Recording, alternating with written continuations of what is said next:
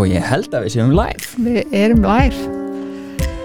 Velkomin Dagbjört. Takk fyrir. Gott að vera með ykkur.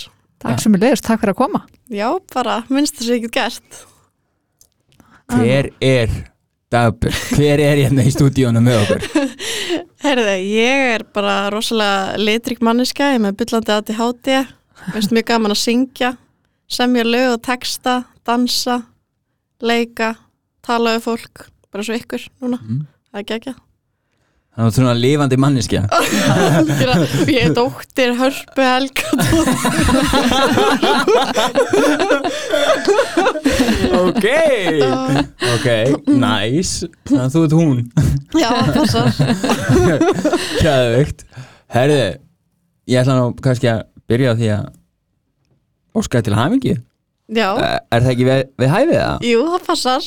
Í dag ertu búin að vera edru í? 16 mánuði, hversu geggjað. Það er bara yndislegt. Já, til hamingi með það. Takk fyrir það. Og nú svona það sem að vera náttúrulega að tala um þessa edrumennsku og veist, þessa vegferð, þetta er náttúrulega hálgjör vegferð. Já, uh, getur þú sagt okkur kannski bara svona veist, hvernig byrja þetta fyrir þig? Þú veist, hva, hvernig, veist, hvernig fór þessi vegferð á stað og hvernig, veist, hvernig antvikaðist þetta? Sko ég byrjaði alltaf að segja frá æsku minni, þú veist hvernig ég var lítil, uh, þú veist hvernig ég var þegar ég var lítil og þú veist að því ég fættist ekkert með huglega þrá ekki fyrir að deyja mig, þú veist ég fættist ekkert óttaslegin, þú veist ég fættist rosalega opinn fyrir lífinu, rosalega lífsglöð, þú veist algjör frekja og stór karakter allt það, en þú veist mér leiði alltaf vel, þú veist ég þurfti vantlega ekkert eitthvað að deyfa mig, en mér, ég upplifði mér samt alltaf aðeins öðruvísi veist, frá öllum veist, ég upplifði mig alltaf svolítið eins og geimveru því ég var í herbygginu með svona svokillega vennilegu fólki. En þú veist, mér var alveg sama þanga til að mér leiði þess að ég væri ekki nóg. Rótin mín er eitthvað að líður sem ég sé ekki nóg. Og þú veist, það er eitthvað rótin fyrst mér að mínum alkoholisma fyrir utan þetta típiska veist, eigingin og sjálfselska sjálfsög fylgir það með. Um, en ég hef alltaf haft ekki gaman að ég að syngja og tjá mig, dansa, leika og allt svona. Og var einmitt mjög expressiv manneskja og veist, ég er mjög expressiv manneskja. En á sama tíma þú veist að ég sé svona tilfinningarík þá hef ég alltaf upplifað mér rosalega varnalaus einhvern fyrir lífinu og fyrir aðstæðum fyrir fólki, stærður rosalega auðvitað glöð, reyðsár og allt svona. Þannig að þú veist þegar ég mista einhvern mitt sjálfsvirði og leiði illa með sjálfa mig þá var einhvern vörnin svo lítil fyrir lífinu og fyrir fólki og aðstæðum að ég byrjaði bara að upplega einhvern byllandi deyfið þörf og hún byrjaði því ég var 11 ára gömul um, því ég var 11 ára þá lendi ég í minni fyrsta áfalli og það var sérst frá alveg mjög nánum aðstandanda sem að lókast að dekka nafngreina. Mm. bara, já, af því ég elskar hann aðstand og, og mikið til að gera hann það. Algjörlega. en hérna og það var sérst beitt með svona andli ofbeldi í fyrsta sen og líka alveg líkamlega svona teki í mig þannig að ég alveg pissa í maður hæðslu og ég var sérst kallið drusla þá á þessum aðla og ég bara skildi það eins og bara orðið þú veist, ég fatt að hann sagði svo seinna meira að meinti það sem svona óþægt rángi eða eitthvað. En á þessum tíma, veist, ég tók því bara eins og ég væri hóra ég væri drusla já. og ég trúði sem aðalega alveg 100% þetta var bara ég eitthvað einn og eftir það fór ég alltaf ekki eftir að leita eftir viðkenningu á þessu leveli en svo fór ég eftir að pæla þú veist í strákum og ég, þá ég misti ekki meitamenn fyrir ég var orðin 16 ára gömul þá var ég samt alltaf að leita eftir aðtikla því það var bara mitt virði að ég þurfti að fá svona kynferðslega aðtikli til að líða vel með sjálfa mig. Og þú veist, í skólanum þá þú veist, var ég lögði einaldi til dæmis því að ég var 13 ára af svona stelpuhóp. Og þær kalluðu mig mitt hóru líka þó ég var ekki svona að kissa strák. Og bara svona ljóta hluti um, og ég einn misti sjálfsverðið mitt svo mikið, alltaf meira og meira þú veist, boltin byrjaði að rúlla því ég var 11 ára en svo var það alltaf verra og verra og verra þannig til ég bara týndi sjálfur mér. Þú veist, mér leiði þess að ég væri lítið ljótt leyndamál sem ég þurfti að fela og gat þess að aldrei verið ég sjálf. Ég var einhvern veginn ekki frjáls til þess af því að það var hrætt um mig líftúruna og ógna mínu öryggi þegar ég var ég og var expressiv og leiði mér að vera ég. Og bara ég þorði ekki að vera ég aftur. En það er mjög kvalafullt eitthvað einn og sásökafullt að vera alltaf að fela sjálfa sig, að geta aldrei verið maður sjálfur, að geta aldrei slakað á og vera alltaf í einhverju leikriti. Þannig að þegar ég kynntist áfengið þegar ég var 16 ára bara að fá, það var rosalega mikið frelsun fyrir mig. Já. Ég var bara, hvað er þetta? Þú veist, mér langar að gera þetta eins oft og ég get bara, þú veist, ég byrja á einum bríser, brísu var mjög töff að drekka þá. Svo var það bara barnadýrs fyrir verið sko. Er að, endaði bara í sex brísurum. Ég var bara, þú veist, var bara eitthvað bleku á busaballinu og ég gerði strax eitthvað sem ég sá eftir, þú veist, ég var klofið á einhverju strák að kissa hann og það fór á nefndir á síðuna, þú veist, FA bara á mánudeginum eftir ballið og þú veist, ég fó bara upp í nefndir og fó bara grátandi en er plís að taka þessa mynd út og þú veist, ég fann strax að ég var að gera eitthvað sem var anstætt mínu karakter, þetta var eitthvað sem ég vildi ekki gera, ekki að segja eitthvað hræðilegast sem ég geti gert, en þú veist, ég var strax farin að gera mér svolítið að fýbli og koma mér í aðstöður sem ég væri ekkert að koma mér í ef ég væri edru Akkurat. En máli er að frelsið bara, uh, bara þú veist, alltaf kvíðabolti svo loksins drullu sama hvað fólki fannst og var bara alveg frjáls og gekk gaman, það var bara svo indislegt og ég var til að gera hvað sem er til að geta, þú veist, verið þar. Undir áhrifum þá. Já, undir Mhm.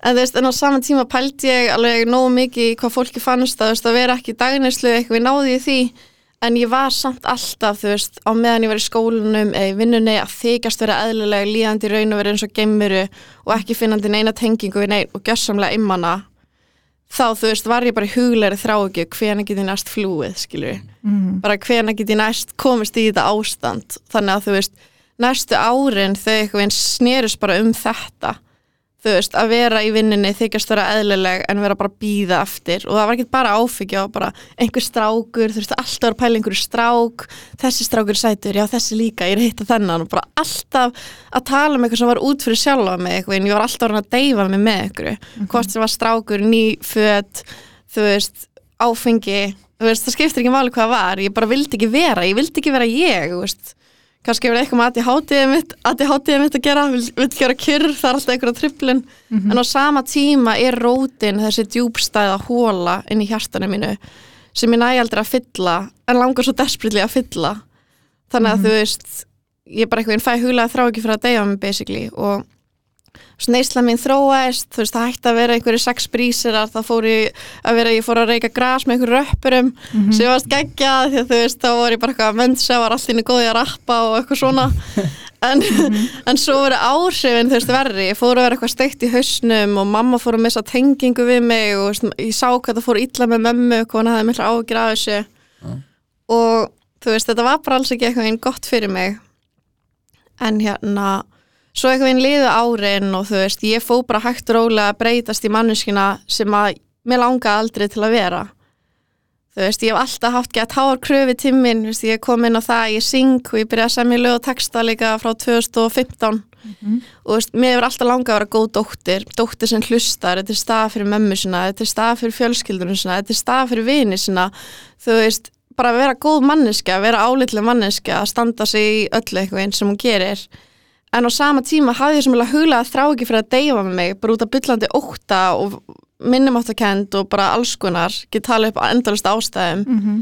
að ég náði aldrei að uppfylla það sem, veist, það sem ég þráði að vera. Ég náði aldrei að vera sem manneska að því ég var svo upptökin að deyfa mig og því ég var ekki að deyfa mig þá var ég huglæri þrá ekki fyrir það og eftir það var ég bara þunn og náði ekki að gera neitt og þú veist, ég gerði fullt af mistökum veist, ég var kærastan sem ég langa aldrei til að vera veist, ég var óheðaleg við kærastan minn á jamminu og þú veist, viðkenda það svo bara til að láta vorkina sjálfur mér því að mér var svo erfitt að taka ábyrð og var líka svona hrættum að vera refsað eitthvað einn ef ég viðkenda eitthvað sem ég gerði ránt um, og já, bara þú veist, þetta fór eitthvað einn alltaf bara svona versnandi. Þú veist, ég lendi líka í áföllum þú veist, ég hef verið bara allt frá kynferðslega misnótguð þú veist, upp í bara nöðguð eitthvað einn, ekkert einhver einn það gerðist bara.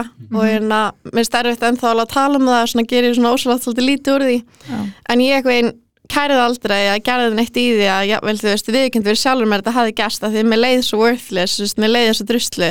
Þannig eitthvað einn í undirmeðutundinni leið mér kannski að ég átti þetta bara skilið. Og þú veist, þannig ég bæði var að gera hluti sem að ég, þú veist, meika ekki að lifa með, meika ekki eitthvað einn að vera með þessari mannesku, mér fór alltaf líka að vera og vera við sjálfa mig splandaði það að lendi áföllum og megi ekki díla við þau og deyfa og bara með tímanum varði eitthvað einn alkoholismi minn bæðið þróaðir og þú veist bara áföllin og hver ég var, hver ég var orðin. Það var orðið svo slæmt að þetta var bara þú veist, að byrlaði kóka í á endunum um helgar. Þú veist, áfengi var ekki nóg. Þú veist, ég þurfti örfandi onni mig og þú veist fyrst var þetta gaman, það var svona gett sjálfsögur gett klár og bara svona sharp eitthvað á þessu og fannst þetta gett bara, já, ég skal taka einu línu fyrir þig, bara, þú veist þykist þau eitthvað nett Já. og en, en svo enda þetta með eftir svona tveggja ára neyslu á kókaini frá svona 2018 til 2020 þá enda þetta með því að ég eitthvað einn byrjaði kannski kljóða nýju og svo var klukka kannski 5-6 um morgunin og ég var bara að spyrja fólk bara má ég fá meira, má ég fá meira, má ég fá meira? Og ég var bara hann fíkill eitthvað einn Mhm. þetta var ekki að gefa mér neitt veist, meira á hverju veist, meira á hverju, veist, mér leið bara verð og verð og verð en samt örvendinga fyllir í meira og meiri fyllingu af eitri. Þú veist, þetta var ekki að gefa mér neitt þetta var bara að gefa mér þjáningu og ég var að eða peinunum mínum ég var að eða heilasælunum mínum. Um, ég var að valda fjölskyldum minni þjáningu og sérstaklega mömmu minni Mhm. og þú veist, þetta var bara ekki einhvern veginn þessi virði lengur og ég var líka svo hættulega nálægt verri neyslu einhvern tímann var ég á djamminu og var bara með áfengja því að ég gefni á meiru og veist, ég fór í eitthvað partí bara til að, veist, reyna að fá kókaina því ég var náttúrulega svo háð því Mhm. þá var einhverju stráka með einhverja pípu og ég held að þetta væri graspípa þannig ég ætlaði bara að fá mér eitt smók og svo bara s- sofna eða eitthvað Mhm. mjög góð hugmynd en ég að svo var það eitthvað að plata mig að þú veist, fá mér þetta en það var actually krakkpípa Mhm. og ég vissi ekkert af því og einhver stelpa, algjör engill, hún að draga mig úr þessu partí án þess að þekka mig neitt og hjælti utan um í leigubilum allan tíman og ég var bara af hverju þess að draga mig? Ég var bara að fara að reykja gras og hún bara, það var krakk. Þetta var krakkpípa, þú veist, langaði þeir að reykja krakk. Mhm. og ég var bara hvert er ég komin? Mhm. Og þú veist, og þetta lef með áttum á þess maður heldur alltaf að maður hafi sem vilja stjórna. Þessu, já ég ætla bara að fá mig nokkuð glöðs æ, bara nokkur línur, aldrei meira en það. En þannig var ég næstu ég fann að reykja krakk Mhm. á þess að gera mig grein fyrir þú veist, þannig að maður veit aldrei hvert þetta tekur mann, þú veist, maður ákveður alltaf, maður ætlar aldrei að gera það versta og þú veist, og það er mörg skrif eftir þessu bæði þú veist, en þú veist maður hugsaði ekkert einstegumar undir áhrifum og þess vegna er þetta svo hættulegt og þess vegna er ég svo ánað ég náða að byrja ábyrð á þessu loksins að ég reyndi fyrst að hætta að drekka þú veist, á 19. ágúst 2018 en það var því að ég var svo óksla leðilega þá var þetta kærasta minn þetta var ekki fyrir mig Nei. það náði ég bara fjórum mánuðum veist, það náði ég bara fjórum mánuðum eitthvað einn án þess að fara að funda og eitthvað en svo eitthvað einn virkaði þetta núna af því ég fór bara all in í kærkunni samtökum sem ég er í Mhm. að bara ég mætti, ég ringdi nei, ég mætti á fund þetta, veist, þetta má ekki vera alltaf langt en ég ætla kannski ekki að segja ykkur alla söguna. En ég endaði að fara á fund uh, annan desember 2019 ég fekk mér sponsors ég fór að lesa með henni í bókinni og ég var bara ótrúlega spennt fyrir bata Mhm. ég var bara ótrúlega peppi í þetta þú veist, ég las hvert kapla árin ég las með henni, ég þurfti ekki að gera það og ég strika svona yfir allt sem ég tengdi við og ég bara, já ég elsku þetta, og ég tengi við þetta. Vá, ég er alveg svo pill, vá, oh my god ég var eitthvað ekki viski og mjólkar en það, það sögur sig á mér það er ég tengi satt og, og allt henni fann ég þessa tengingu bara þú veist, við að mæta á fundi bara, hei, ég er ekki eina geimveran geggja, þú veist, what's up? Skilur bara, þú veist, þið er líka geimverur. Og þú veist, alltaf því ég var í þessu partíum þú veist, og bara var að fara niður í bæ þú veist, auðvitað var ég með þess að huglaða þráugju en að byllandi alkoholisma sem var að þróast. En á sama tíma rótin það sem ég þráði alltaf var að vera séð, heyrðu og elskuð einhvern þú veist, ég vildi vera séð, ég vildi fá þessa tengingu en þú veist, því ég fór í partíin þá fekk ég hann aldrei að því að við vorum bara öll að tala og engi var að hlusta. Mhm. þú veist þú voru allir bara svo peppar í að fá sér meira og þú veist, alltaf meira og meira og meira. Enginn náði bara að vera og setjast niður og virkilega tengjast, sem ég virkilega þráði alltaf einn stinni en svo að mæta á fundi þá loksist fekk ég þessa tengingu sem ég hafði alltaf þráð þú veist, að bara tala á aðra alkoholista og mér finnst einhvern veginn enginn skilja alkoholista betur en aðri alkoholistar þú veist maður er einhver veginn alltaf þegar maður er á sálfræðingi og er stundu ekki eftir að reyna að skemmta sálfræðinum. Það er ekki skemmtilega og ég þóra ekki að fara eitthvað gett júft bara eitthvað, já, já, næstu hann og hann er eitthvað krakkast ég er ekki bara að segja það. En svo því ég tala til þessu annan alkoholist þá veit ég hann dæmi mikið að hún skilur og Mhm. þetta er bara allt öðru sér tenging og þetta er akkurat það sem ég þurfti lífið mitt og fekk þá og en að, veist, ég trúði ekkert á Guð ég hef alltaf verið kristin trú á blaði en ég hef aldrei eitthvað fundið fyrir honum veist, ég mestalega leiði mig betur eftir að beðið fæðvorið því ég horfði eitthvað skýrir hillismyndi eða eitthvað Mhm. en svo en að var ég bara eitthvað í nóg örvendingafull á þessum tíma þegar ég var að byrja að mæta fundi og hérna og þú veist, þráði bara í að líða betur þráði bara í, þú veist, einhverja hjálp þráði einhverja hjálp og hérna sponsaði minn sem stróð mig á samkomi hjá veginum og ég hann að mætti og var að hlusta eitthvað svo að ég er svo bara að syngja og ég var bara, oi hvað þetta er óþægilegt þú veist, langur að deyja bara getið farið. Og hún var bara, nei, við ætlum bara að vera hér. Og ég bara, oh my god. Og svo veit ég hvað gerðist en ég fattaði svo eftir á ástæðan af hverju mér fannst þetta svo óþægilegt að því ég var búin að vera með grímu sem var bara þykkur svo leður í svo mörg ár og hún var bara bráðuna við þetta af því að það var svo mikið einlegni hann inni þetta var svo fallegt og ég eitthvað endaði bara að brotna niður og gráta. Og þegar ég greið þá langaði mér ekki að fara bara getið please farið, oh my god. Og hún var bara nei, við ætlum að láta byggja fyrir þér. Ég bara, oh my god ok. Og ég fór eitthvað án þess að trúa á neitt og leið bara frekar óþægilega en var samt eitthvað í nú örvæntingafull og opinn til að láta hróka minn og egoðum mitt til hliðar. Af því að það var alltaf það sem var my outfit, þessi hróki, ego alltaf, ég er betur en þessi ég er verður en þessi var alltaf að miða mig við fólk veist, ég gati ekki tengst fólki af því ég var alltaf að aðgreina mig frá öðrum. En þannig að einhvern var ég bara nú erfitt full til að vera opinn og þessi maður bað fyrir mér og bað bara, þú veist, heilan andaðum að koma og bara fylla hjarta mitt og bara, þú veist, sagði eitthvað fullt af orðum sem voru svona, ég manni hvað hann sagði en það var eitthvað geggja powerful. Og svo voru hann alltaf að tala tungum og ég var eitthvað, what the fuck, ok, eitthvað. Og, var bara, og svo allt í henni fann ég eitthvað íta við mér, bara íta við máunum og ég bara, af hverju sem maður íta mér? Og hann var ekki að koma við mig að þetta var eitthvað svona svaglegt force sem var bara komið við mig og bara blá eitru sko, antjóks og ég bara trúði þess ekki sjálf en þetta var svo yfirþyrmandi að það leið yfir mig, ég fór í yfirlið. Og ég hef aldrei farið í yfirlið áður, bara í fyrst svona aðeins minni. Og ég bara lá hann í jörðinni, ég veit ekki, þetta leiði eins og svona kannski tíu mínútur en það var orðið lengur sko. Og ég var bara overwhelmed bara svona af skilir slausri ást þetta var bara svona indislegast ást sem ég einhvern veginn upplifa þetta var bara svona skilirlisleis ást, skilirlisleis kærleikur og ofar öllu bara ótrúlega mikil friður. Og það var enginn sem talaði við mig, veist, ég var ekki eitthvað að heyra rödd í hausnum mínum en mér varst einhvern orkan segja við mig bara, ég elska þig, þú veist, þú ert nóg. Og þú veist, ég er innan með þér, ég hef alltaf verið inn, ég er innan og ég bara eitthvað, veist, ég fór bara gráta og ég var bara takk fyrir ekki, ég trúði ekki á þig og veist, og svo segja hystu mínu vega þetta var, ó, sko, ef þú er ekki upplifið þetta þá skil ég ert að hlusta bara eitthvað, ok, sigjala, geðug en þetta gerðist ég sverða, ég veist, vá. Og svo eitthvað einn þurfti bara að standa upp veist, mér leið bara sem ég verið alsælu ég bara hef aldrei leiði betur en engin niður skilur og svo stóð ég upp og ég bara, því að horfa það fólk mér leiði sem ég geti verið í ruslapóka þú veist, vanlega var ég svolítið grunningin, gef mikið að pæla útlutinu mér var alveg sama um útlutið allt í hennu ég var bara eitthvað geðveitt frjáls og ég væri til dæmis að tala við þig. Þá væri ekki lengur þessi önnu manneskja og ég væri svona að bera okkur saman og ætti ég var hrætt við hana eða eitthvað svona. Mér leiði sem ég væri að horfa sjálfa mig. Og ég var bara, vá ég er að horfa sjálfa mig upplifa aðra reynslu í öðrum líkama og við erum basically bara eitt skilur við erum bara eitt svona consciousness. Bara að Ég upplifa vildi að fólk myndi sjá þig til að lýsa þessu.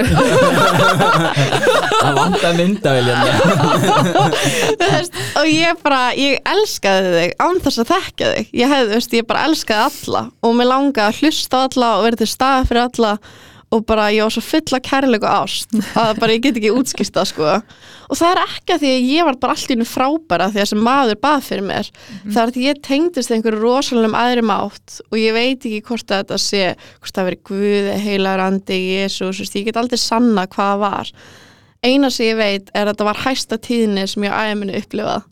Þetta var svo ótrúlega fallegt og yndislegt og síðan ég upplifði þessa tengingu þá eitthvað einn hefur mér langið að vera tengdina eins mikið og ég get. Og þú veist, ég er ekki fullkomin, ég hef aldrei verið fullkomin og mun aldrei verða það menn ég er manneskja. Þannig að ég hef gleymt þessu veist, ég hef dotti í hróka aftur ég hef dotti í ego, ég hef dotti í sjálfhverfu og eigingirni en munurinn á mér núna og fyrir 16 mánuðin síðan er að ég fatta þetta ekki þá ég var bara, nei, þú ert bara ömulegur og núna er ég bara eitthvað sorry, það sökkaði hjá mér í dag eða í gær fyrir eftir hvað ég liggja vikuna veist, mestalega í dag. Og bara byrst innlega er Nei, ekki þú. Já, einmitt, einmitt. og, veist, og þetta gerðist bara að því að ég eitthvað einn fór í gernum þessi spór og er búin að mæta og funda dag, þú veist, núna í 16 mánuði í dag. Og, og það bara og lífið er fyrir að gerast. Þú veist, munin á, þú veist, já, indislegustu mömmu í öllum heiminum, indislegustu mömmu í öllum heiminum. En ég eitthvað einn kunni ekki að meta hana af því ég var svo þú veist, blinda því að vilja deyfa mig og flýja að einhvern veginn the only use var bara að ringja hana til að sleika hana upp á föstu degi að því mér vantar inn að vera peningur í mango tango og bíl fram og tilbaka. Og var bara hæ, ég elska þig. Og bara hæ, ég bara hérna, getur lagt þér við tíu skall fyrir mat og bensinu, þú veist. Ég var ekki að byrja að ljúga, elsku mömmu bara því að ég var þe- orðin þetta veika alkoholisma, skilju og hérna núna í dag, ég bý hjá mömmu og pappa tímabundi og skamast mér nekt fyrir það um, augljóslega. Og ég, átt bara að kemur fram og er bara, mamma, ég elska þessu mikið. Og bara, ó, það veist eitthvað, hvað er, er að gerast? Og ég eitthvað heldur ég hitti eftir þetta líf? Og ég bara, þú ert svo æðislega my please cruisa og hún er oft bara, ok, hvað er í gangi? Þú veist, þetta er mikið munur. Þú veist, ég kann svo mikið að meta hana og bara elska pappa og bara, þú veist, það er bara svo mikið sambindum sem eru búin að læknast eftir ég byrjaði bata og ég bara sé lífið allt öðruvísi og þú veist. Og bara alkoholismi virkar einhvern veginn þannig að þú veist, ég notaði eða þú veist, ég drakk og notaði ekki nei ég not, nei, hvernig virkar þetta aftur? Því ég er alkoholismi út á hausnum mínum. Ég er ekki alkoholismi bara af því að ég drakk og notaði það vandamál er þessi króniski heilasjúkdómur sem verður aldrei læknaður og þess vegna er svo mikilvægt að halda sér í bata, halda sér á fundum halda sér í tengingu en aðri mátt saman hvernig þú skilgrinir hann. Bara eitthvað fallegt og eitthvað sem er að fara í gennum daginn. Og hérna og það, já, það bara hefur algjörlega virkað fyrir mig og hérna eitt annað sem ég langaði líka að koma inn á að ég átti bróður sem að hétt Andri Vatnar og hann lest sem sagt ágúst 2013 uh, alveg fyrir augum mínum. Um, og hann sérst var heilbriðinni mömmu en svo er þið lækna mistök um, og þannig að hann var bara eins fjölfallar hann gæti verið, hann gæti ekki þú veist, talað, lappað borðað, þú veist, neitt, treyft sig líka við. Um, og þú veist, og það var mjög erfir, erfitt eitthvað einn að horfa upp á bróður sem þannig sem var elskað svona mikið. Þú veist, ég eitthvað hef haft þá gjöf að ég náði, náði eitthvað inn að fæðast heilbrið og hraust og að sjón og heyrn og sköpunarkraft og sem ég geti til að geta gert allt sem er hægt að gera eitthvað einn í lífinu basically. En stundi vildi ég geta eitthvað einn gefið bara andra allavega helmingin eða eitthvað en ég geta það ekki skilju en pointið mitt er sem ég er að segja er að þú veist það skiptir ekki máli hvað ég hef mikið eða hvað ég er heppin eða hvað ég hef mikið til að þakka fyrir að ég get ekki séð það út af þessu sem kallast alkoholismi alkoholismin er bara svona svo gufa fyrir augunum mínum. Þannig að sama hvað ég hef mikið þá bara get ég ekki séð það. Að ég er alltaf að lifa í skortu, ég er alltaf að lifa í vanþakklæti. Nema ef ég er tengd en aðri mátt sem ég fekk að kynnast er að mæta fundi, er að lifa í spórunum og er að gefa þetta áfram. Og það er svona svo mikilvægt að gera það því ef ég gerir það, þá sé ég allt. Þá er ég bara vangið þakklátt og bara vákið fyrir allir tögur og fólki sem er þannig að ég væli svo mikið með þessu þetta er bara gerðslega að berga lífinu og bara allt búið að breytast veist, alls konar áfull búin að gerast veist, ég þurfti minnstu afsökun til að deyja mig veist, ég þurfti gæja að keira 60 á vinstrakrein ég bara drullaði til hægri fokkan er pyrrandi við vantar bjór og línu helst í gær akkurat núna veist, en núna þá bara svo ég misti, þú veist, það var strákur sem ég hætti með 5. massi fyrra og hann ljast 7. apríl og það virkilega særið hjarta mitt og þú veist, en ég þurfti ekki einu sinni að deyfa mig að langa að deyfa mig því ég lendi vest á ástasvara glísmins þá skilju ég bara fór að segja lagum hann og texta og ljóð og bref og, og veist, heimsáttan bara í kirkjugarðin veist, ég, ég grænja í vinkurum mínum, greti vinkurum mínum og miðla reynslu mína til þeirra sem hafa upplifað sama til að láta það vita að þeir séu ekki einar sem hafa lent í þessu reynslu. Þú veist, sásöki minn er ekki lengur til einskis þú veist, ég get nýtt lífið mitt. Slífur er aldrei fullkomið en ég get komist í gegnum sásugan af því ég gerði þetta prógram og er að mæta á fundi og mér er aldrei hægt að gera og halda tengingu við það fallegast við kyn sem er Guð og já, þetta er bara gett hjálpa mér. Og ég vona að hjálpa ykkur veðurum að hafa hlusta á þetta. Ég, hérna, ég fór einmitt að spáði að lýsa hérna, lýsingunni sem, e, e, þegar hann er að byggja fyrir þér og fyrir bara að hugsa bara, ætli þið sé með DMT í vatninu? Ekki? Ætli þið sé bara með síru í vatninu? Mig, ég hef prófað það satt sko, ég hef fengið sínuna sko. Tröstu mér. Það er eitthvað illa trippi sitt sko. Þetta, er rosalega lýsing. Hva, hvað myndir þú samt segja þú veist? Ef, að, að þú veist okay, þe- þetta er mjög afbyrrandi eða svo, að, svona mjög aðtiklisverð lífsreynsla mm. um, ef að þú værir að veist, tala við þig þegar þú varst að byrja Mm. hvað í dag Mm. ertu búin að veist, læra á þessum 16 mánuðum Mm. sem þú vildir að þú hefðir vitað í upphafi Mm. Þetta er mjög djúb spurning Svo baðast um djúpa spurningar um, Það er til hjálp Það er von Það er tengingan úti Það er fólkan úti sem að skilur þig og þetta er allt í lægi, þú ert ekki ein Þannig komdu bara með mér á fund okay. Þú veist, og þetta byrjar allt á fundi veist. Bati minn byrja á fundi, að mæta á fundi og eitthvað einn heyra í öðru fólki og fá þessa áminningum að ég sé ekki ein eitthvað einn og í raun og veru vitund af því að ég vissi ekki eitthvað einn eins og ég sagði þetta er svona sjálfkörður og eigingar, sjúkdómur.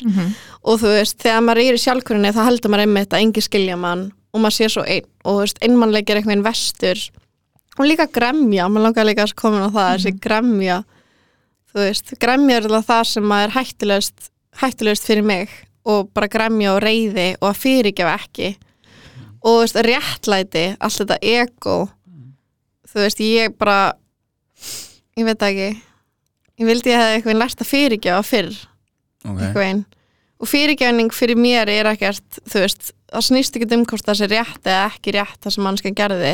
Akkurat. Heldur að meira bara til að fá frið í hjarta Mhm. að þetta snákabiti er ekkert bitið sem að drepa, þú veist snákabiti eitt, ef þú ert bitin að eiturslöngu bitið er ekki að sem er að fara að drepa þig sko það er eitrið sem heldur áfram að fara um alla líkamæðin sem á endanum eðilögur þig. Mhm. og það er einhvern gremja fyrir mér að það sem mannskan gerði mér er bitið.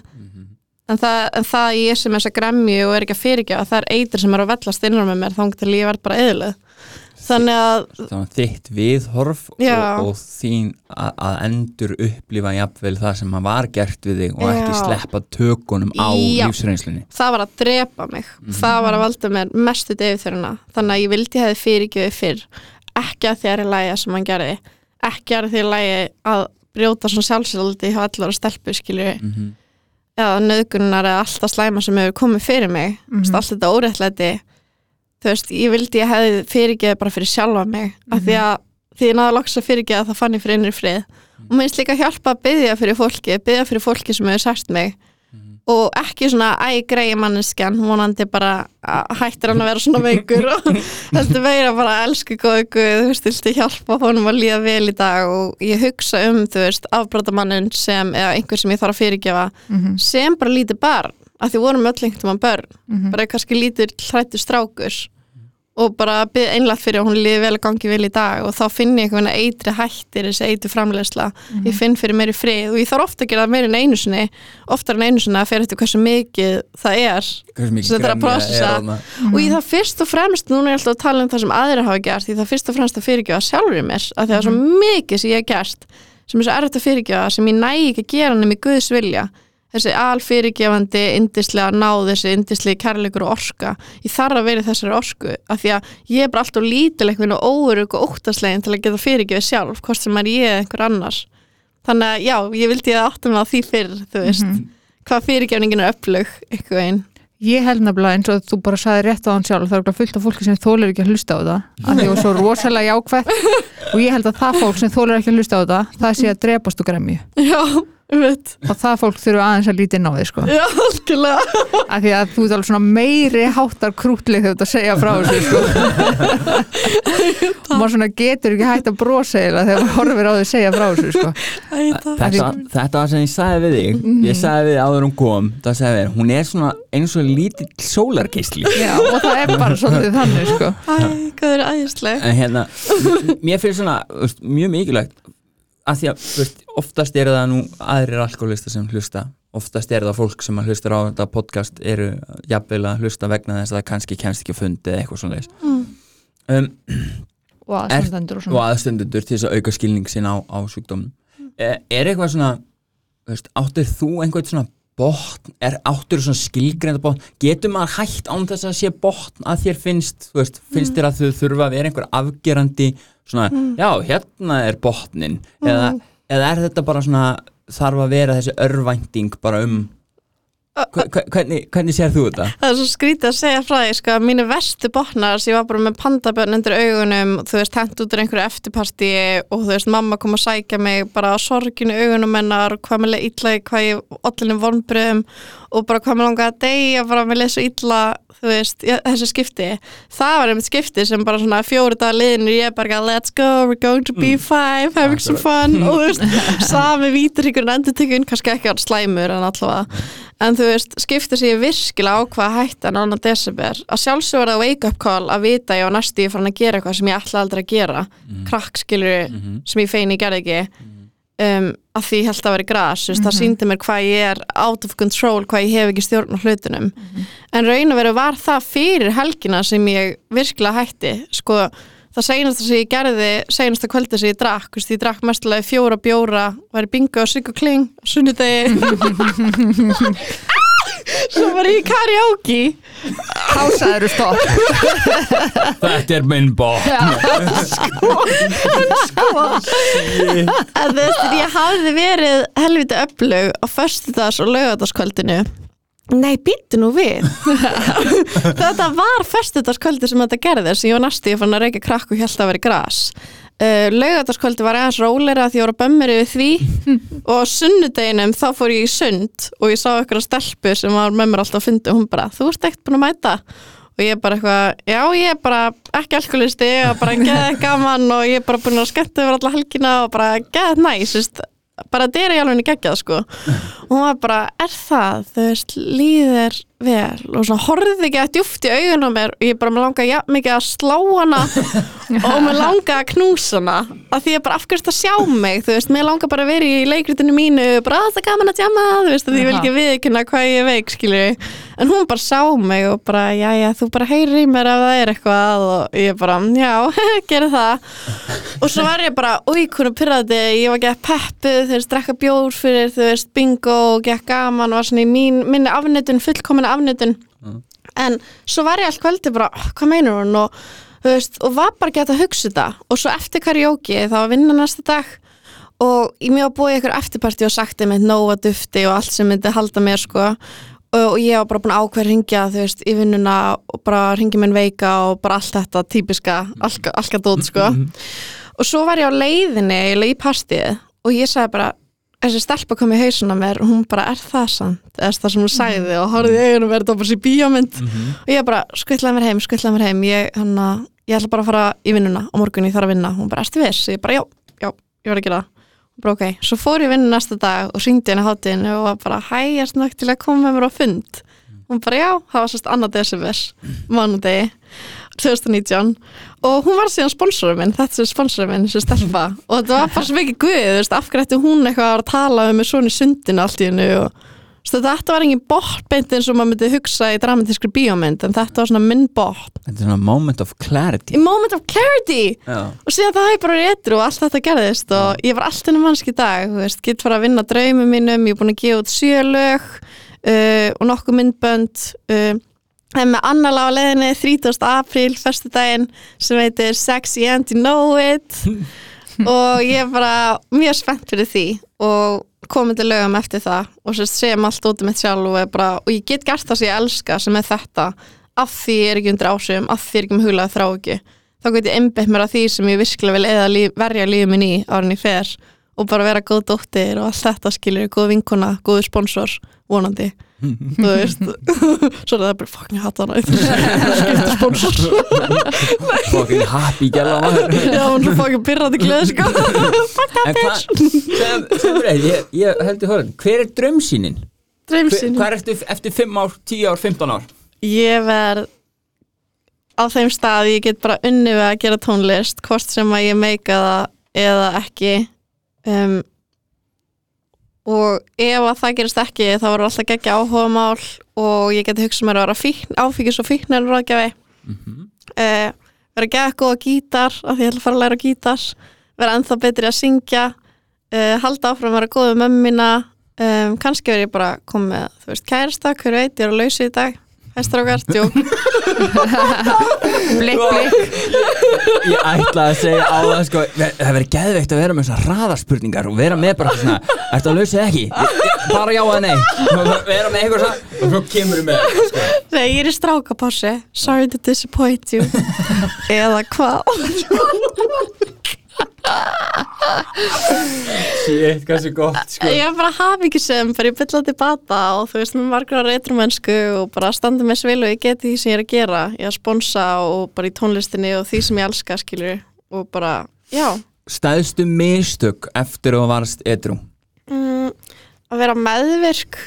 Einhvern veginn máli er að það er svo mikil meðvirkni sem býr í mér að ef ég er til dæmis í sambandi með mannesku sem ég hef gert núna tvisvar sem ég var eitthrú sem er kannski ekki bata kannski, já, þú veist, ég vil ekkert fara út í það skilur, en er ekki svona á sömu braut og ég, þá eitthvað við svo mikil meðvirkni í mér að ég tek bara súrunni skrimna algjörlega á sjálfur mér og setja hann á manneskuna, þannig til að ég er bara algjörlega drenuruð og finn mig ekki bata lengur og þannig að mikilvægt að halda súrunni skrímin og sjálfur sér fyrst alltaf Ertu gjörn og ég ætla að bjarga öðrum frekar? Já, Mhm. Dragaburs the savior Þetta var mjög afgerandi já. Já. Ef þú náður þessu ekki þá var það svo Já. Og ég bjargaður það að ég er bara kapna sjálf bara oh my god. Og líka halda sér í kringum heðalega halda sér í kringum það sem er að hjálpa mér. Þú veist, af því ég var í kringum óheðalega þú veist, bara með henni manneskinu hún var kannski að gera hluti sem voru óheðalegir jafnvel þó að ég var ekki að því. Þá eitthvað misti ég hann að kerska ég að leiða. Ég sagði mér segna sem ég var veik því ég var það ekki, bara því ég skammaðist mín eitthvað einn, bara því ég var í kringum þetta þó ég væri ekki að þessu sjálf. Þannig að vera í kringum heðalega halda til neysluglugum, lokum og bara, já, hugsaðu sjálfa þig, þú veist, elskaðu sjálfa þig nærðu sjálfa þig, haldu grímin á þér til og getur svo englægt hjálpa öðrum og ekki meðversni það er major key. Ok, næsta spurning, tilbúin. Um, Þú talar mjög frjálslega núna í dag sem er merkið náttúrulega um það að þú ert náttúrulega greinlega búin að pæla mikið í þessu og vinna mikla vinnu. En upplifur þau skömm?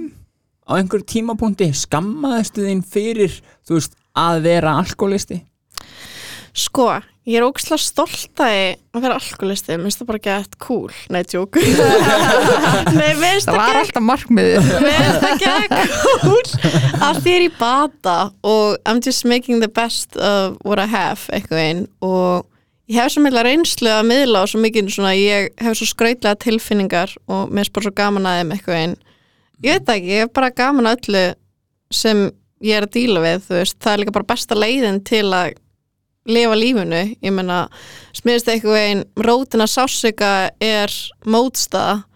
Þú veist ekki, þú veist að bara taka við þér og svo ert veist, ég er núna gett mikið að að vinna í því eitthvað einn að elska mig umbúða laust að bara taka mér eins og ég er eitthvað einn og bara þá eitthvað verður allt mikið auðveldara og skemmtilegra og veist, mér finnst ég hafa samlega reynslu til að miðla og geta til að hjálpa öðrum af því er alkoholist í bata. Mm. þannig að veist, það er kannski margir sem væli yfir þetta en ég er bara ókslega þakkláttur en, alkoholisti en hefur aldrei verið bara eitthvað svona veist, skammast þín búst, liðir svona kannski svo mamma þín og pappi myndu Mm. ekki elska þig jafn mikið af því þú værir alkoholisti eða Mm. með þessa fortið eða þessa lífsreynslu. Sko allavega ekki mamma. Mamma er náttúrulega bara engill. Pappi samt flottur líka sko ég, veist, ég held að hann skilja fyrir ekki að lega vel sem er náttúrulega bara skiljalegt sko. Já. og veist, mamma er raunin ekki þess að hún er ekki alkoholisti sjálf en hún er svona mjög opin einhvern fyrir öllu.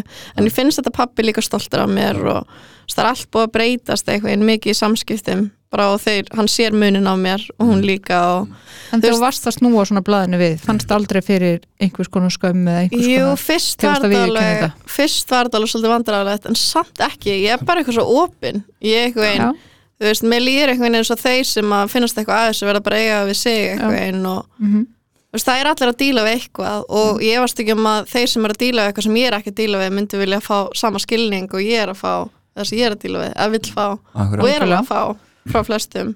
En sko, ég hef upplegað skömm alveg bara í fortíðinni að mér finnst oft erfitt að fyrirgefa mér hvernig kærasta ég var í fortíðinni þeir áttu það ekki skilið, það voru indislega strákar. Um, hvernig ég var með mömmu, elsku mamma oh my god. Já, Þú getur allavega. sagt eitthvað við hana ef hún hlustar? Mamma ég elska þig, þú ert besta mamma millum heiminum. Þú ert ljósið í lífið mínu ok, allavega allavega pappi elskaði líka. Það er mikið með mömmu en veist, það er aðlega þessi skömm á ég, má ég þetta, má mér líða svona vel? Má ég leifa mér að fara þangað og þú veist, og þá kemur ofta að segja, mannst ekki, þú gerði þetta. Þess vegna er ég aktivli að skilur vinna í því að fyrirgefa sjálfur mér einn dag í einu með hjálp Guðs. Það er sem ég verð að gera því að sjálfsegir þessu skömm. En það er bara eitthvað sem ég verð að vinna með og komast yfir. Því lengur sem ég er að standa mig betur í lífinu því auðvöldra verður þessi svo kallar skömm fyrir mig. Því, því minni verður hún og þú, því betur verður þetta. Og það mun enda sem bara dýrmætt reynsla bara alveg svo þú sér hann er ekki, er ekki alltaf gert í Japan þegar eitthvað brotnar, setja gull í brotin. Mhm. þú veist, þetta er bara geggja, það er bara meira gullskilu það verður að gulli og þess vegna er ég sátt. Ég veit að þetta verður allt í lagi. Þannig að við ætlum að kalla þið núna dagbjörn gull. Já. Gullbjart, oi. En þetta er samt, þetta eru mjög skemmtilega, þú kemur þessu vel í orð með skömmina og hvernig, veist, einmitt það er gott að, veist, að því að ég held að það sé mér bara alveg rétt hjá þér þegar fólk er opið og þú þorir að vera og er óhrætt við það hvað öðrum finnst mm. þú veist, að þá einhvern veginn upplifir það ekki skömm. En það er staður sem að maður einhvern veginn kemst bara einhvern veginn á með vinnu finnst mér. Allan að, það er allan að mín reynsla af fólki sem er í kringum mig. Að það hefur þurft að vinna svolítið fyrir því að einmitt að, einmitt að leifa sér að vera hamingsamt að eiga það skilið veist, eftir, Eftir að hafa gert náttúrulega. Í neyslu geru, gera flest allir hluti sem þeir eru ekki stoltir af. Mm. og þannig að þetta var vel komið orðið þér. Það er heldur góð í þessu. Algjörlega, mér líður eitthvað eins og það lifi skömm og eitthvað einn það, já, bara það lifi skömmur höfuð en eins og að vinna hjá tjöflunum launalaust. Uhum. Bara eitthvað þú, veist, maður er bara svona gaur þú veist, þú veist ekki að gefa mér nein laun ég er ekki að fá neina uppskýru fyrir það. Bara þú veist, faraði aftur ég sendi þessar hugsanir aftur niður til þín skilju og bara ég er innan með Guði, ég er í stuði með Guði. Þú veist, Guði elskar mig. Það er ekkert sem ég get gert til að Guði elski mig. Já, veist, það er ekkert sem ég get gert til að Guði elski mig meira eða elski mig minna, skilur og þú veist, að leiði tek því og tek bara við fyrirgefningunni og náðinni skilur, sangant minni trú, ég er ekki að segja að aðri þurfa að trú þessu þá er ég sé svipuna, ég að lengra með þetta. Veist, leiði ég tek við því þá eitthvað einn líður mér strax betur og ég finn fyrir ákveðinu frelsi. Þannig að það er bara sem ég kýs fyrir mig og virka best fyrir mig, sko. Það er svolítið fyndið sko. Að ég ætla alveg að minnast á hérna ég hef sérst sitið og hlusta á leið, hana dagbjörtu leiða. Það var ég eina skiptið síðan ég varði trú sem ég actually pældi því ætti ég að fara að trúa Guð? Þetta er greinilega eitthvað þú veist, þetta er greinilega eitthvað þeng sem virkar þú veist, ég sjáðu hana, þú veist, endur hana bara eitthvað þú veist, þú skín bara þú veist, ég, meina, ég hlýt bara að þurfa Guðin í lífið þetta er eina skiptið sem ég hef nokkuð tíman íhugað þetta. hvað duður svo hugsun lengi? Það var svona tveið, þrý dagar og svo, svo var það búið. Það er gáðan svo að heyri að það er nú einhver áhrif. Já, ég klálega, algjörlega. En ég það er finnst... bara whatever floats your boat sko. það þarf ekki að virka saman fyrir alla Nei, Nákvæmlega, já ég tek það sérstaklega fram þetta er bara mín reynsla sko Mhm. en þeir eru eina til að tala einmitt um þína reynslu. Það er, Nákvæmlega. það er topic dagsins. Já, En nú, þú sandir hérna lægið séð elsku og heyrð séð, heyrð og elskuð Já, séð, heyrð og elsku gerði mitt myndband við að fylgta svona klippum frá því ég var lítil Akkurat og þetta snýst basically um þú veist þessar manneskið sem að allir minni fyrsta áfalli en samt fyrst og fremst bara sjálfa mig eitthvað einn að ná ekki að elska sjálfa mig og svona litla ég sem var svona sárið mig fyrir að hafa ekki geta tekið mér eins ég er. Mhm. og ég er svona náði loksins í dag það er svona bóðskapulegsins getur fundið á YouTube og Spotify. Akkurat, ég er nefnilega ég skoða þetta. Þetta, er, þetta er mjög krútlegt þetta er alveg, veist þetta er alveg, svona, það er svona vídeo af henni það er svona lítil þetta er svona freka krútlegt sko, Já. ég mæli með Fuck. um, Ertu með einhverja djúpa spurningu fyrir hana? Sko, mér langar ótrúlega mikið að vita bara svona hvað það er sem að í rauninni að því þú er búin að segja frá úst, áföllum Mm. þú veist, þú ert ótrúlega opin með þú veist bara hvað það er sem að ollið í að þú fóst þessa leið Mm. hvernig þú ert búin að vera að vinna í þessu þú ert náttúrulega svona eins og þú sagði sjálf áðan svo þetta er svona Jésu hoppari Mm. elskar Guð af öllu hjarta. Mm. uh, ert í strákapásu samt ekki. Þú veist búin að fara í smá hraðaspurningar með allavega hlinni, líkamlega það strákapásu. Svo leiðis Hvernig virka það? eða svona allavega þið svona Hva, ég er ekki að sænga hjá þess að það Já, ok. Ég er í djúpri sjálfskoðun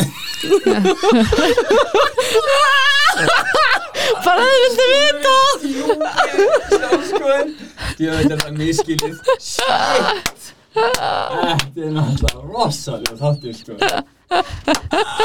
Hún er að finna gefletin svo kallar hann It's bara a work in progress. Svo kallar hann bara Jésu Já. Já.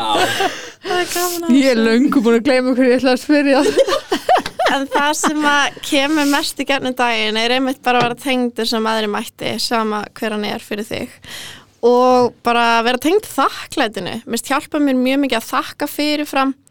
Líka bara eins og það er eitt sem ég er búin að áttum á varandi Guð. Að fyrst þar er alltaf bara góð Guð, viltu gefa mig þetta, viltu gefa mig þetta? Og bara mér langar í þetta. Og eitthvað svona en núna er ég meira bara hvernig get ég þjóna þér? Hvernig get ég þjóna þér í dag? Þú veist, hvernig þegið hvernig getur bara hvernig get ég þjóna þér? Og ef ég segi, ef að mín tíðni er hvernig get ég þjóna þér? Hún er selfless, hvernig get ég þjóna þér og öðrum í dag, skilur ég þá svara Guð kallin minni hvernig get ég þjóna þér í dag? Og þú farið eitthvað í staðinn? Já, veist, þá, þá er ég virkilega in harmony Þá byrtist Lamborghini fyrir utan heima henni Það er er ég svo in harmony með, með Guðs flæði, fattiði mig. Og, þú veist, og þá fæ ég mikið meira hjálp og það er ekki að tala um verðlega hlutir en menna á lífið mig bara bókstælega vel í hjartanu.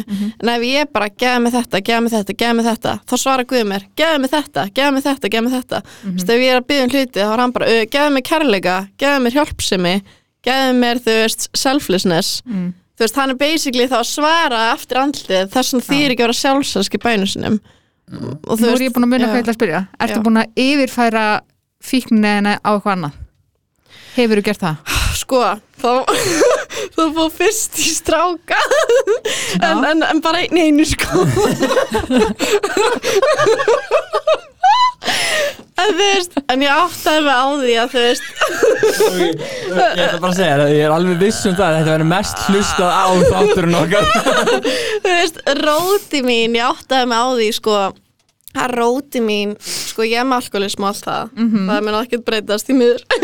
En hérna þú veist, róti mín er ástar og kynlísfíkn ok, og ég er ekki um bara ég er að fara inn í bæ og bara í öllum þá er það tekið ákveðin tímabus þú veist. Svo ekki andi strákar þetta er meira svona tilfinningulega ánauð fyrir einni mannesku einhvern veginn fyrir ákveðinu mannesku og að reyna að fylla upp í tóma sérst, óvart nota fólk eins og eiturleif án þess að ætla sér það bara þráir að vera elskuð Já, og það er með þetta að gera sér til farin í bæ, passa að vera gefa fín passa að vera séð, allavega séð mm Mhm. -hmm. þegar ég fæ ekki vera heyrðu og elskuð þá vil ég allavega vera séð og einhver vilja hjá mér því það er betur en ekki neitt Mhm. Og þú veist, auðvitað ef þú köttar hitt út þá náttúrulega þess að svolítið á þetta. Mhm. og þú veist, en mér langar á endanum skilur að gifta mig, mér langar að eignast tvö börn. Mér langar að vera heilbrið indisluðu sambandi þar sem þetta er besti vinur minn skilur og þú geta breytt því svo dating. En ég náði og ég næ því ekkert ef ég er ómeðvitað eða meðvitað að nota einhverja mannsku sem eitilef, ég vil þó ég vilja það ekki. Og þetta sé bara stöðu svona þráhyggja og eitthvað hæ, skilur við bara geðið næs og mikið svona tilfinningarúk og veist, líkamlega drúm. Og sem að enda alltaf bara á niðurtúr við, að mér líður bara ókslega illa og það er aftur að fylla og það er ekkert ást við, og ég vil ekkert gera nefnum það áfram. Mhm. og þess vegna er ég að vinna í þessu, þessu málum. Mælum að aðri gera það þið tengja.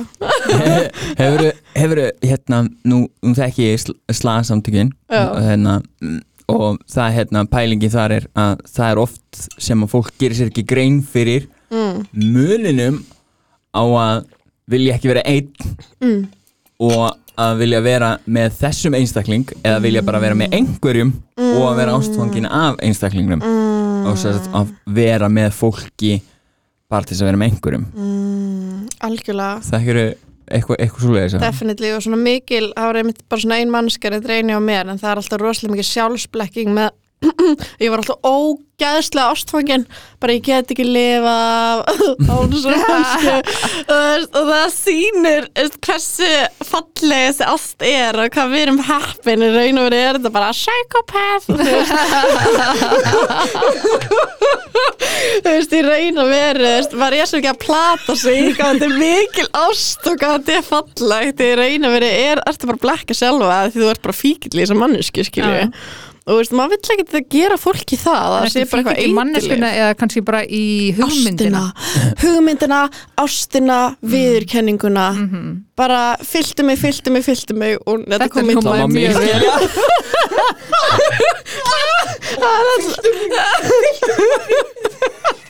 Nei, bara eitthvað skilur Hvernig við sýtjum Ég veit ekki gaman hjá okkur. Þetta er svo- þetta er svo fylltu mig skilja andlega. Og, og þá er ég alltaf bara að leita meira og meiri fyllingu af því það er aldrei nóg skilri og ég vil ekkert gera fólki það. Ég vil ekkert að fólk endur bara drenir að bara "Ah, ég er búin að rósa miljónum í dag hvað viltu frá mér? Þú veist ég vil bara ég vil bara elska sjálf á mig skilur og þurfi ekki ástfræðirum og já, þessin er í strákapassi Já, mér líst vel á það. Hérna, En áðan talar líka um til dæmis eins og ný föt og svona hefur flutt þetta líka yfir á svona Já. shoppaholic Já, allt og mikið af fötum og þau passa ekkert einu sinni í herbyggjum eitt, ég á svo mikið af fötum. Og samt tími ekki að henda í rauðkrossunum að þau eru öll svo flott Mhm, girl, we relating. Hey, we be buying clothes.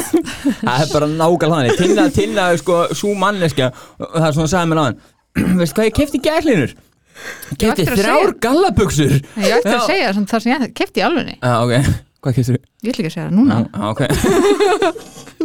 Það var alltaf hæst meira þrjá galabuxur Tinna er svo, er svo mikill kaup, uh, shopaholic að hún kaupir mér þess að hluta á mig Skilu, og þeir eru Ég- samstarfsfélagar. Ég get ekki staðið í, ég nenni ekki að vera með þér út í bæ og þú lítur út eins og ykkur Ég ætla ekki að segja það en þú veist hvað ég er að hugsa.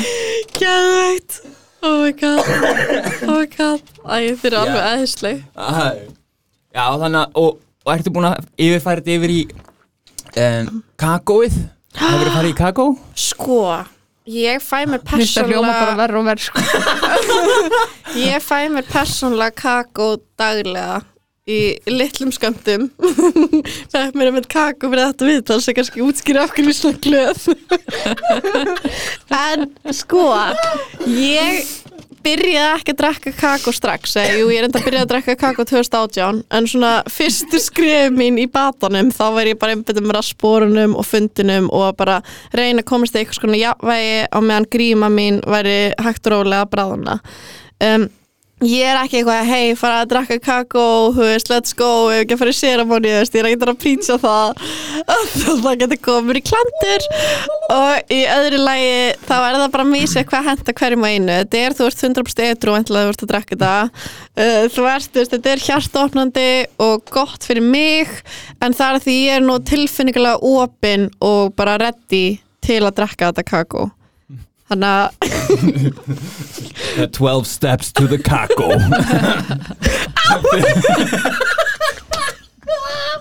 Ég tannaði á vart mikrofónin Nú fór kannski glossa á hann. Já, það er alltaf læg Smá shiny. Þannig já, þess að virka fyrir mig en bara hver og einn verður að finna sitt á sínu hraða. Algjörlega og ekki drekka ómikið kakó. Ætlar að drekka kakó, ég mæla ekki með því. Ertu búin að prófa það? Nei, ég heyrti fólk sem er lendi í mjög skreitlegu sögum þegar að drekka mikið kakó Hvað fara bara niðurgang eða? Já, veist, ég hef heyrti fólk sem að bara hefur einmitt fekið byllandi niður gang og uh, rungar sem margsinnis Þetta hefur hún heyrt um það.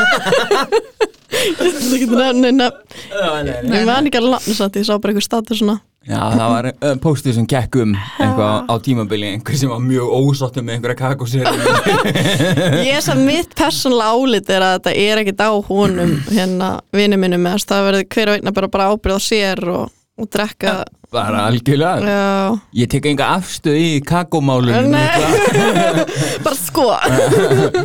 En hérna, nú erum við komin hérna bara með 54 mínútur. Mhm. Eigum við ekki bara að taka einhverja uh, Hvað, er eitthvað fleira sem þú vilt segja? bara ekki muna ekki, ekki muna, Ekki muna, glemdu öllu. Glemdu öllu sem við sögum ekki gleyma að vera þakklátt af því að tíðni þakklætis og kærleikas eru stærstu tíðni sem ég geti verið á í lífinu.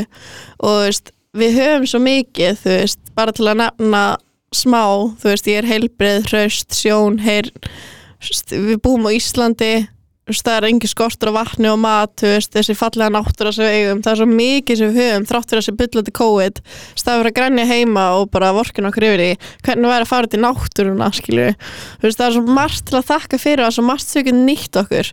Og um leið að við erum að tíni þakklæðis þá kemur alltaf meira og meira til okkar til að þakka fyrir. Og lífi vinnur alltaf meira og meira með okkur. Og alveg eins að við erum í tíni Þannig að, já, þakklæti virkar gett vel og bara tengjast guði og kærleikunum og mæta fundi og þau megi æluðu mig núna, ég skilja það fullkomlega. Já, er eitthvað fleira sem þú vilt segja til mín? Uh, nei, nei, ég er bara svo glöð lífum sér sé bara kakusur Ég var að tala um þakklæti.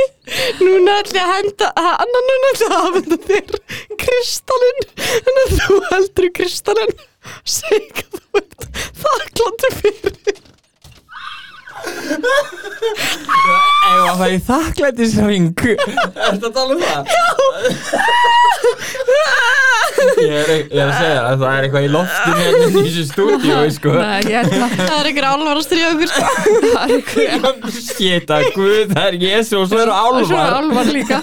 Einhvers konar ljósverður eða leiðbynendur þessi Ég er stokkar til að maður hafa þetta vikulegt. Oh Það er svo til að segja whatever floats your boat. Hvernig líst þér á það? Ég er bara, veist, við getum ekki bara tekið hann og bara, bara verið með hann alls þar Ég, ætla að hafa, ég er að spá að hitta dagbært vikulegt Við þurfum að hafa hana bara svona allstað svona, hún getur verið bara Ég er spá að geima hana bara inn í skáp heima á mér. Já bara endilega. Ef ég er í móti skapi þá tek ég dagbærti fram. Já. Úr skápnum þá. Já, Já, bara, ég þarf ekkert súrefni sko, ég er, bara, ég er bara mjög góð. Hún er ekki, hún er ekki stelpupásu, hún er í strákapásu. Já, það er svolega stila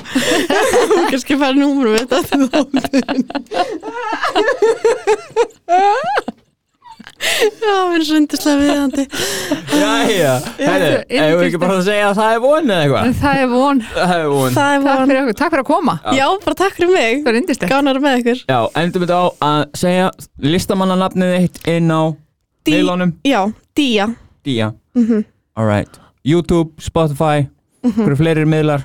Um, YouTube og Spotify er bara fínt. Ok, Baby I'm Sick, Love Me uh, Svo Sexy and to Know It og Make Me Move á leiðinni. On the way. Og næsta mánuðum. Ok, takk fyrir okkur. Takk fyrir okkur. Takk fyrir mig